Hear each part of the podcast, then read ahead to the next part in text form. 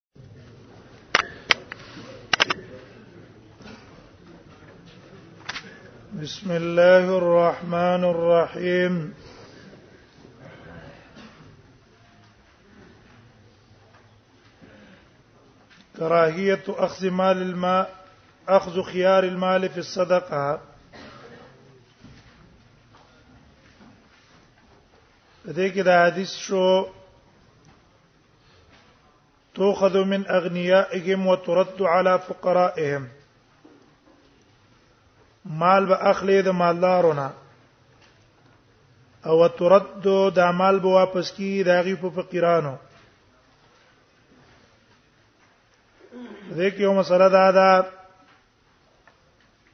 چې هغه ته ویل کی انتقال الزکات من بلد الى بلد آخر یو سړی د یو علاقې نه زکات نقل کوي بل علاقې ته دا انتقال د زکات من بلدن الی بلدن جایز دی کنه د کې درې قولې د علماو یو قول له د امام ابو حنیفه رحمه الله او دا قول امام بخاری مغره کړه انتقال د مال د یو ځای نه بل ځای ته نقل کول جایز دي د زکات نقل کول د یو ځای نه بل ځای ته جایز دي یو هغه استدلال نیول دی په عموم د آیات قران کې دی للفقراء والم انما الصدقات للفقراء والمساکین والعاملین علیها دا لفظ د فقرا او مساکین شامل دی هر علاقی مسلمان تھا د هر علاقی مسلمان فقیر او غریب تھا دا په هر ملکی دویم دی استدلال نیولای په دې روایت د معاذ معاذ پر روایت کې دا دی وی رسول الله صلی الله علیه وسلم چې معاذ لګلو یمن ته نو معاذ را اولګي دو یمن والا تی ویاله چې خیر تاسو مال په زکات کې چې غنم را کوي یا بل شي را کوي دا غي په زیبانه غره لرا کوي دا جامع را لرا کوي زګه دا جامع غوره دي په نسبت د خوراک مدینه والا ته غوره دا معاذ نقل کول مدینه ته را لېګل انتقال د زکات راغې دریم استدلال په دې ځبان امام بخاری کړه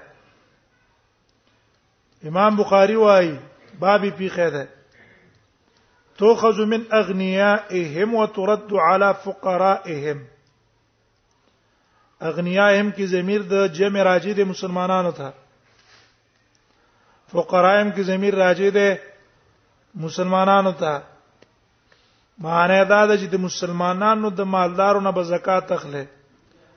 او د مسلمانانو غریبانو ته به زکات ورکړي لفظ د المسلمین شامل له هر علاقه ته د دې مسلمانانو نه به زکات واخلي که په هر علاقه کې وو او دا به ورکه چاته فقیرانو تک په هر علاقه کې لہذا د دې په نسبانه انتقال د زکات د یو ځای نه بل ځای ته جایز ده دویم قول د مالکیانو حنابلو او د شوافیعو ده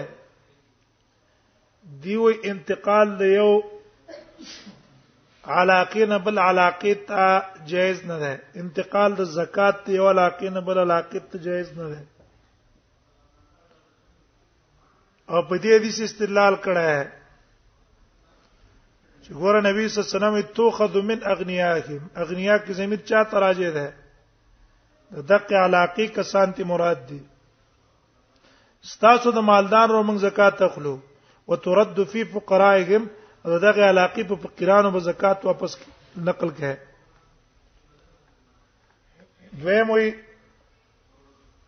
نقل به زکه نه کې دا حق دې د غریبانو او د دې په کې مصلحت ته کتیبل دي ته نقل کې نو صبر راشي نقصان به دی راشي کنه پیدا به دی ته نه رسیږي او کوم روایتونو باندې تاسو استدلال کړی دی د معاذ هغه جزیه وا جزیه جزیه جزیه جدا شی ده زکات جدا شی ده دریم قول چې هغه راجح ده چې انتقال د زکات د یو علاقې نه بل علاقې ته جایز ده عند ضروره ضرورت دا ده چې په دې علاقې کې خلک شته غریبانان خو ډیر محتاج نه دي گزاره کیږي وسی کیږي چې پروا نشته کته ول زکات ورکو کورې نه کو او ترا اولګيږي دا انتقال او کې د دې جنبل زیاته ال ته خلق محتاج ډیری په دغه صورت کې به انتقال د زکات څه ده دا جایز دی چې ال ته ویسا عند الضروره او کله چې په دې علاقه کې په خپل محتاجانو او تر لګيږي دې ځنه انتقال د زکات کې بل علاقه ته نه دا جایز نه ده تو غزو من اغنیاهم وترد فی فقراهم ولدا فوات د مصلحت ته دا خلکو دیو جن خدا دا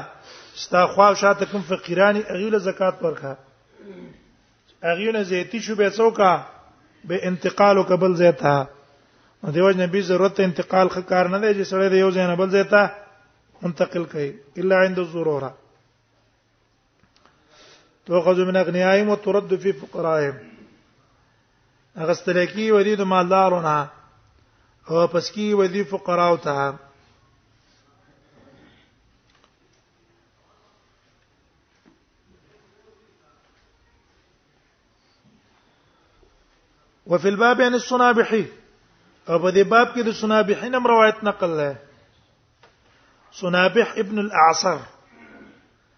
کتاب په ابتدا کې مونږ ویلو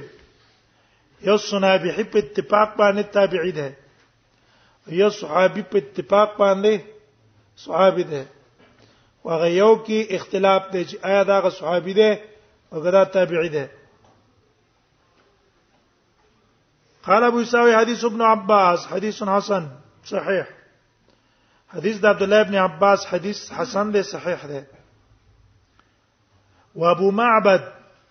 او د ابو معبد چې ده ابو معبد مولا ابن عباس دا د عبد الله ابن عباس غلام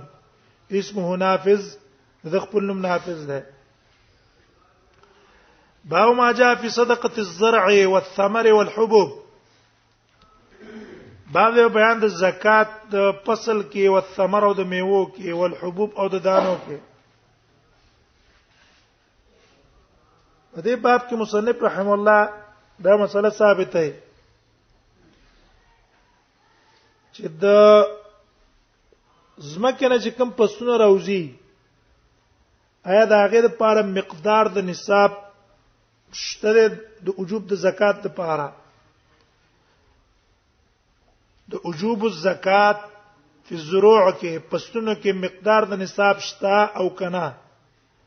د زمکه نه لک شو ک ډیر شو زکات به تور کې په دې نور شنو کې خو نصاب ده سونا کې نصاب ده چاندي کې نصاب ده دارنګ پوخانو کې غواګانو کې ګړو کې نصاب ده آیا د زمکه نه چې کم فصل لاخیږي دې فصل لپاره نصاب شته چې دونه مقدار ستا فصل او شي زکات به در باندې او کده مقدار نه کمو زکات به در باندې نه دا مسله اختلافي ده د علماو منځ کې یو مذهب د امام ابو حنیفه رحمه الله امام ونیفه مذهب دا ده چې هر هغه شی چې د زمکه نه راوځي که قلیل او که کثیری پاک زکات لازم نه که قلیلی او که کثیری پاک زکات لازم نه صرف عشیش غیا چې کومه دغه مستثنا کړي پاک زکات نه او نور چې د زمکه نه څو شو که لګو کړي د استدلال کړه ده په عموماتو حدیث ته رستور روان ده چې نبی صلی الله علیه وسلم فرمایلی دی فيما سقط السماء والعشر وفيما سقي بالنصح نصف العشر هغه شي کې چې په اسماني ابو باندې خړوبېږي هغه کې عشر ده او کم چې په ټویل او په ارټ خړوب کېږي نو پای کې شلمه ده نسب العشر شلمه وي د لسه مینی مشلمه وګوره ما عام ده شامل د ټول فصل ته هر فصل چې را اوتلو پاکي د اسماني وبو باندې غټ شوی او عشر او کتاوله وبو ور کړې وې نو پاکي نصف العشر ده دارنګ قران کې ومما اخرجنا لكم من الارض لفظ دما عام ده ومما اخرجنا لكم من الارض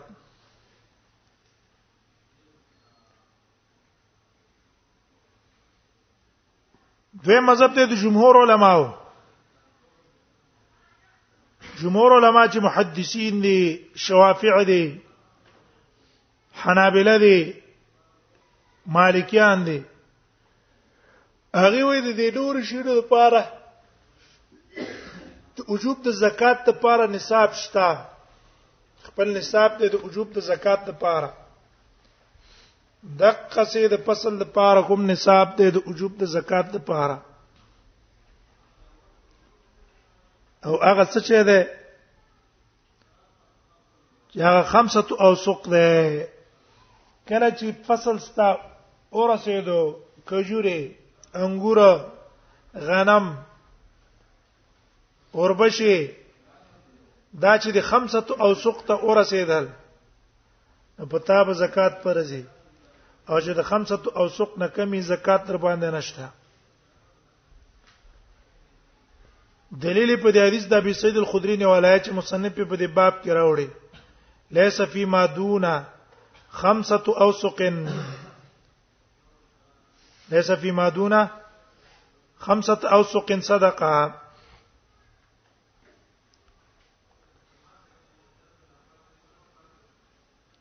د پنځو وسقونه چې یو شی کمی پاکه زکات نه وي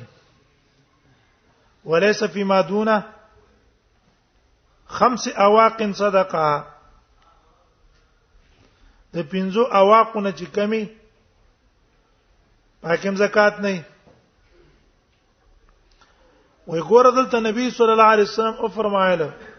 چې یو شی د 15 وسقو نه کمی پکې زکات شته دی نه وسق څه دی یو وسق شپې ته سوعه ده 15 وسق څو شلو 300 سوعه شو دغه سټل چې په پات کې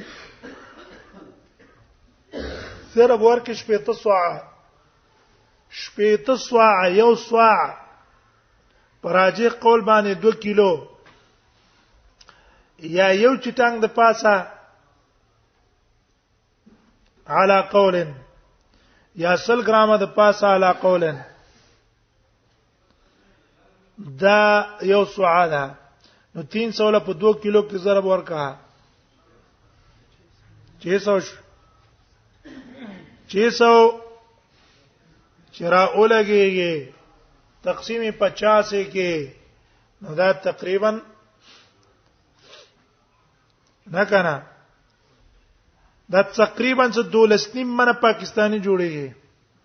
ټول جوړیږي دولس نیم منه جوړیږي کنه دولس نیم منه پاکستانی جوړیږي خمسه تاسو نو چې پنځو وسق ته شي نه رسیدلې پکې زکات نشته او چې دینه بره شو به پکې زکات ورکه احناف را لګیدلی دی حدیث نه جواب کړه ویلیس فی ما دون خمسه او سقین صدقه هدايه والا جواب کړه چې دینه مراد نصاب ته د فضا وي په هغه وخت کې با د 200 درهمو قیمت به د چا سره مساوي وو خمسه او سوق سره نو موږ وایو کدا کوم سړی نو بیرست حدیث کې ته ویلې ویلې دي وليس فی ما دون خمس اواقم صدقه خپل په کې سپینځر ذکر کړ ذکر نه کړ دیو نه دا به زه تعویل نه حکم احادیث باندې چې احناف استدلال کړه په عموماتو ته هغه جواب جمهور علما وکړه ده چې ګوره کوم رسول الله صلی الله علیه وسلم چې حدیث ویره ده چې فيما سقط السماء والعشر الت مقدار د زکات بیانای غرض د حدیث څه ده حدیث منطوق په څه کې ده سوق د حدیث څه د پاره شوی ده د پاره د مقدار مقدار د زکات چې په کم از کم از مکه کم فصل کې بچونه زکات دي او کم فصل چې په اسماني اوبو باندې خړو بشي نو پای کې مقدار د زکات عشر ده او کم فصل چې په ارټ باندې خړو بشي یا په ټویل باندې خړو خړو بشي نو بیا پاکي نسب عشر ده حدیث هغه دا بیان شو او دا حدیث منطق ده په مقدار واجبه کې نصاب د زکات زرو کې استعارض نشته څه نشته تعارض نشته پکې مقدار خو ده چې ګوره څونه لسمه به کم پسند نه ورکه شلمه به کم پسند نه ورکه او په دې کې ویل چې کله به ورکه هغه حدیث کې ویل چې په وبو باندې خړو بچوي نو لسمه به ته ورکه پاسماني وبو خړو بچوي لسمه به ته ورکه او که ارټیو وی تاول وبره استری وی پټویل د خړو بکړي خرچه دی وته کړي پای کې بشلمه ورکه او کله به ورکه چې کله دا فصل دی حدیث کې ویل چې پنځو وسقو ته ورسیږي وهذا القول هو الراجح دا قول راجح ده وبي قال سنا قتيبة قال سنا عبد العزيز بن محمد انا عمر بن يحيى المازني عن ابي انا بسيد الخدري دا به سید الخدری نه روایت ده قال دا ان النبي صلى الله عليه وسلم قال نبی صلی الله علیه وسلم فرمایلی دي ليس فيما دون خمسه زود صدقه نشتره په کم د پنځو وسقو کې کم د پنځو اوخانو کې زکات د پنځو زک پنځو خان نه چې زکات اوخان کمی پکې زکات نه وليس وليس فيما دون خمس اواق صدقه او نشتره په کم د پنځو اواقو کې زکات وليس فيما دون خمسه اوسق صدقه او نشتره په کم د پنځو وسقو کې زکات وفي الباب عن ابي هريره او په دې باب کې د ابو هريره روایت ده هغه د قصې ویلي ابن عمر نم ده د جابر نم ده عبد الله ابن عمر نم ده وبي قال سمعون بن بشار قال عبد الرحمن ابن مهدي قال سنة سفيان وشعبة ومالك وابن أنس عن امر بن يحيى نبي نبي سيد الخدري عن النبي صلى الله عليه وسلم نحو حديث عبد العزيز عن امر بن يحيى قال ابو سواي حديث ابي سعيد حديث حسن صحيح حديث ابي سعيد چې حدیث ته حسن صحيح ده وقد روي من غير وجنانه او دا غنه دا نقل شوی په مختلفو طریقو ولا عمل ولا هذا عند اهل العلم او په دې باندې بچي په دې باندې به عملي پنځ د علماو ان ليس فيما دون خمسه اوسق صدقه چې نشتره په کم د پنځو وسقو کې زکات ول وسق 60 صاعا او یو وسق سره ده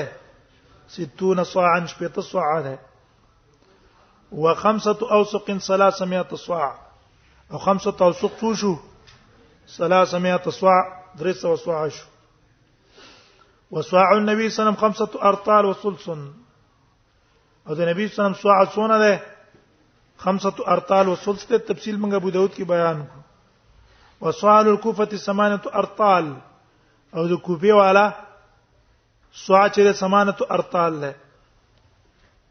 او ليس في ما دون خمسه اواق صدقه او د پنځو وسقونه چې کمی پکې زکات نشته او اوقیه څونه د 40 درهمه تفصیل مو کو کنه یو اوقیه سلويخ درهمه ده خمسه اواق څو شلو میاتا درهمین 200 روپۍ شوي چې په وزن کې د چاندي سره دو پنځوس توري برابرېږي وليس فيما دون خمس زود او د پنځو اوخانو نه یعنی ليس فيما دون خمس من الابل صدقه یعنی پنځو اوخان نه چې کمی پاک زکات نه فاذا بلغت 25 من الابل چې پنځه چته اوخان ورسېدل ففي ابنه مخاز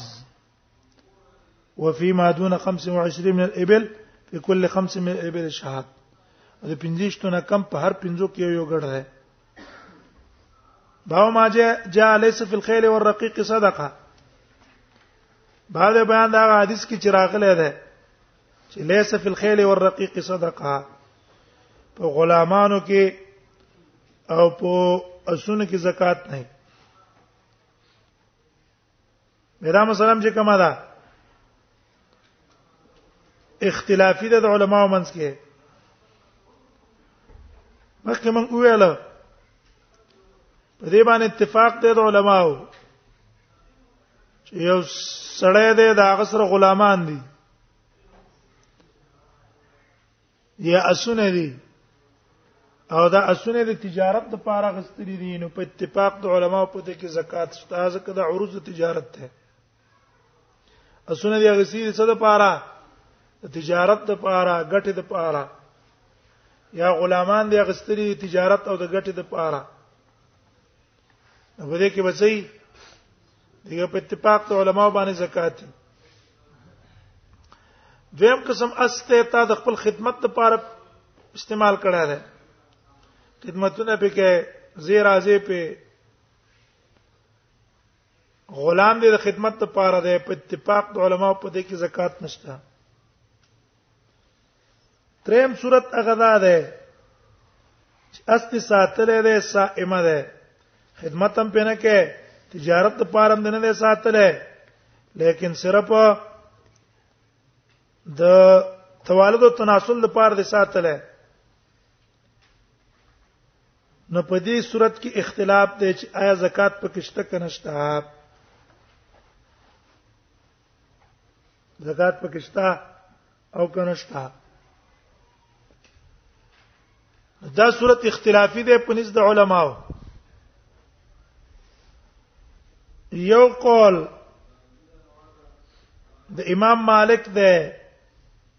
او د امام شافعي ده او د حنابلو ده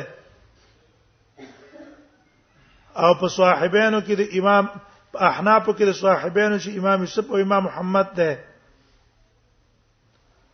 او دا قول نقل له د علینا عبد الله ابن عمرنا شعبنا عطا ابن ابي رباح حسن بصري همدارنګه د حسن ابن علي او د عمر ابن عبد العزيز نه دی وای چې په دې اسونو کې زکات نشتا چې کله تا د څه د پاره ساتلی صائمه دي توالد او تناسل د پاره ساتل په دې اسونو کې زکات نه استدلال په دې حدیث باندې نه ولا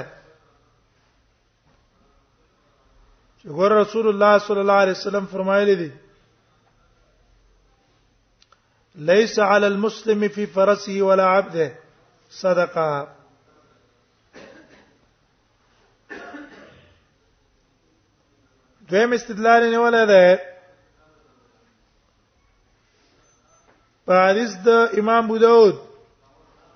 او مخکې امام ترمذی راوړو قد عفوت عن الخيل قد عفوت عن الخيل ما د اسونو نه معافي کړې ده والرقيق د غلامانو نه فهاتوا صدقه الرقه سپینو زرو زکات راوړی طریقه د استدلال ادا ده قد عفوت عن الخيل الخيل کې لپلام د څه د پاره ده جنس د پاره شامل له ټوله شنو ته ها تجارت والا ته مستثنا دي بس تجارت د وجنه په دې استدلال نه ولا دریم استدلال نه ولا په حدیث امام ابو داود راوړی دی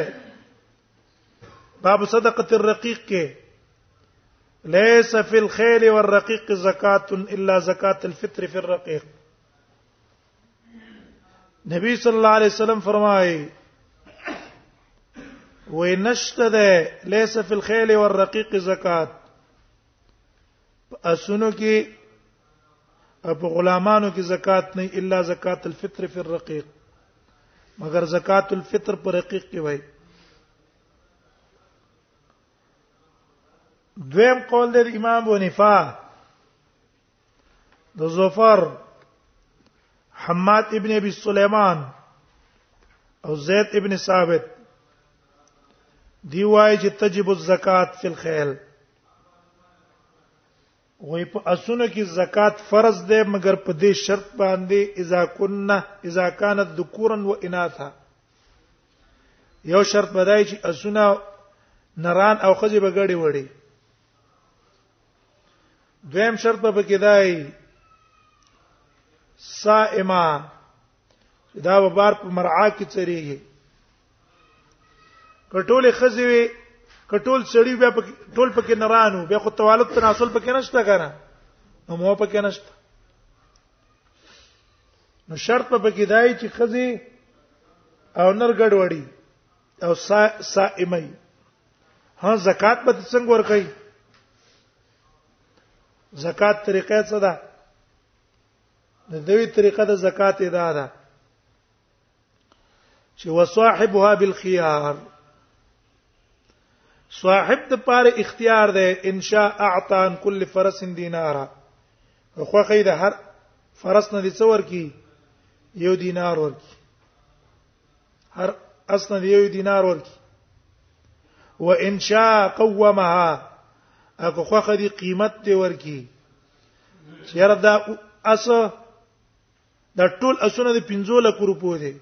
د 15 لک روپو نه د بیا قصې زکات پر کې 2.5 2.5 زر روپۍ کنه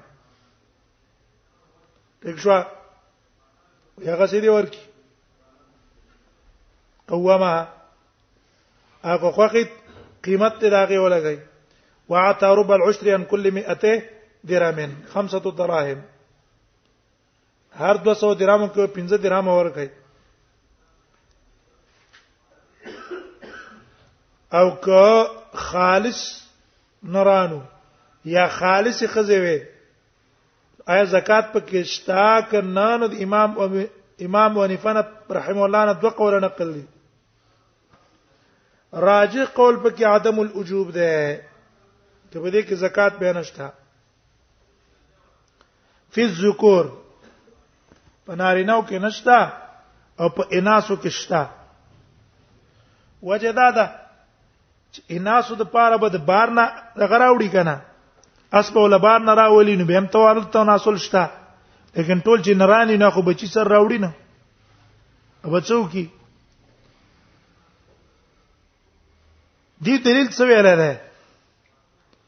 چې نه پاسونه کې زکات شته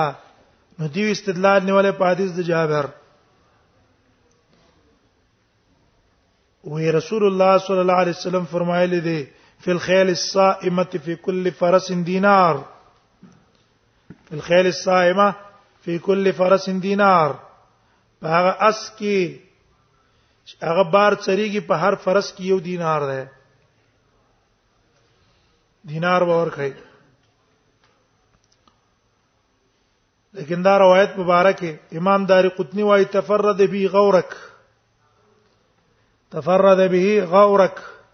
وهو ضعيف جدا په دې باندې غورک تفرد کړی دی هغه به انتهایی ضعیف دی او ومن دونه ضعفاء او دینه چې ختم څوک دی هغه ټول ضعیفان دي دویم استدلال یې نیولې په حدیث د ابي هريره ان رسول الله صلی الله علیه وسلم ذکر الخيل وی نبی صلی الله علیه وسلم د اسونو ذکر وکړل بیا ویل ورجل ربطها تغنيا وتعففا او بل هغه سړی دی ربطها تغنيا وتعففا چې دا اسونه ساتلې دي تغنيا وتعففا په پروا کېدلو د بل چانه وتعففا د وجه د ځان ساتلو د سوال نه ثم لم ينس حق الله في رقابها ولا ذكورها او یې رینه کړو د الله حق دا غي په چټونو کې نه په شاګانو کې فهي لذلك سترا درې قسمه سونه په حدیث کې راغلي کنا یو سید لپاره پرده ده یو لپاره اجر ده او بل لپاره وزر ده متفقون علیه روایت ده لیکن دا روایت صحیح ده دغه متفقون علیه ده لیکن نص نه ده په زکات ثم لم ينس حق الله نص نه ده صریح نه ده په وجوب د زکات کې بلکې محتمل له د پاره د زکات هم ته احتمال هم پکښتا چې لم ينس حق الله نه مراد څه ده زکات زکات ته ورکی او دویم احتمال په کې دا هم شته چې لم ينس حق الله معنا دا ده چې jihad کې استعمال هي لکه اسونه آله د jihad ده معنا دا الله په لار کې استعمالي jihad په کوي چې کله احتمالات په کې دارال دا قابل نه دی د پاره د دلیل دا غيو دلیل د پاره نه ده چې دلیل 19 د پاره د فرضیت زکات په دی کې دریم استدلال نه ولې پر روایت عبد الرزاق وی عبد الرحمن ابن امیہ ابتاع عبد الرحمن ابن امیہ من رجل من اهل اليمن فرسها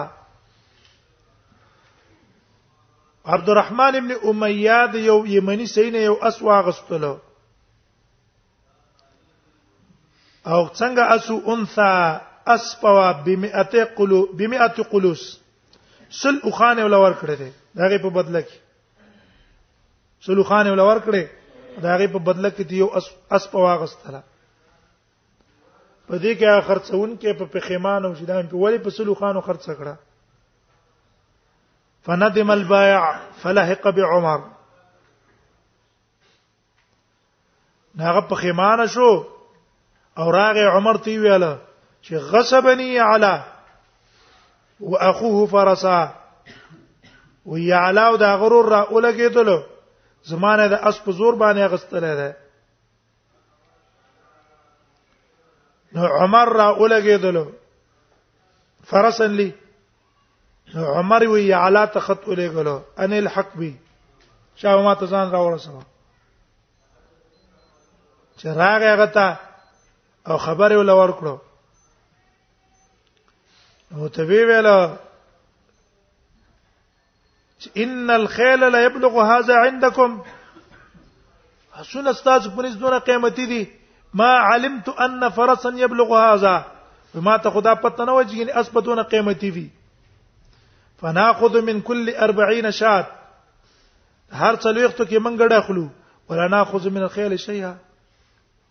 وسونه دونه قیمتي دي او موږ ته زکات ته نه اخلو خذ من كل فرس دینارا وی هر اس نه ساخلا یو دینار ته اخلا وی ګورا وی عمر را اولګېدلو هر اس باندې څه مقرر کو یو دینار مقرر کو ٹھیک شو جمهور ته جواب کوي وای دا اجتهاد د عمر ده دا څه ده اجتهاد د عمر ده او اجتهاد د صحابي چې مخالف د حدیث راشي نو دغه اجتهاد د صحابي له اعتبار نه ذکر رسول الله صلی الله علیه وسلم فرمایلی دی لیس علی المسلم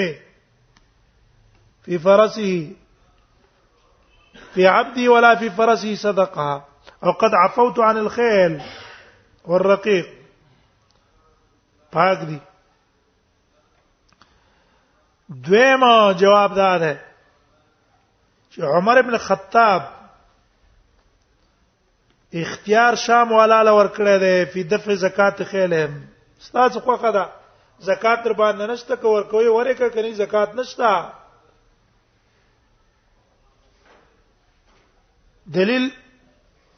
په دې روایت ته مالک ته فل موطا امام مالک په موطا کې روایت راوړی دی ان زهري عن سليمان ابن يسار وی ان اهل الشام قالوا لابي عبيده بن الجراح وی شام والا ابو عبيده بن الجراح ته ویل چې ته څوکا خذ من خيلنا ورقيقنا صدقه ته د څو کس موږ د اسونو موږ د غلامانو زکات مخلا ابو عبیده انکار وکړ فابا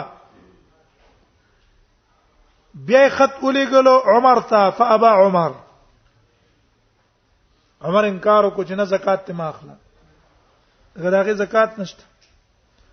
بیا دی راولګېدل بیا ابو عبیده څخه خبرو کړي ګوره زکات موږ د سن نه واخلاص موږ د غلامانو زکات واخلا ابو عبیده بیا خط عمر ته ولیکلو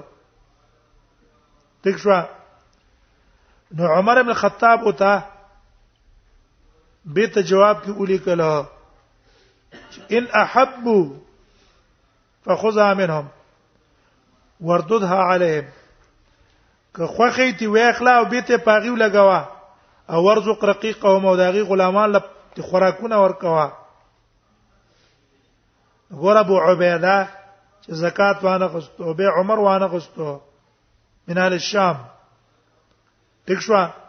او اغسطور نه پس به ته پاغي لګول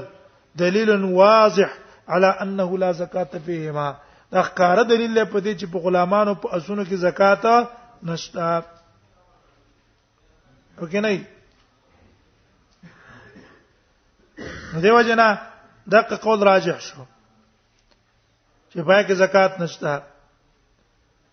نو باب ما جاله فی الخیل والرقیق صدقه اسنه په غلامانو کې زکات نشته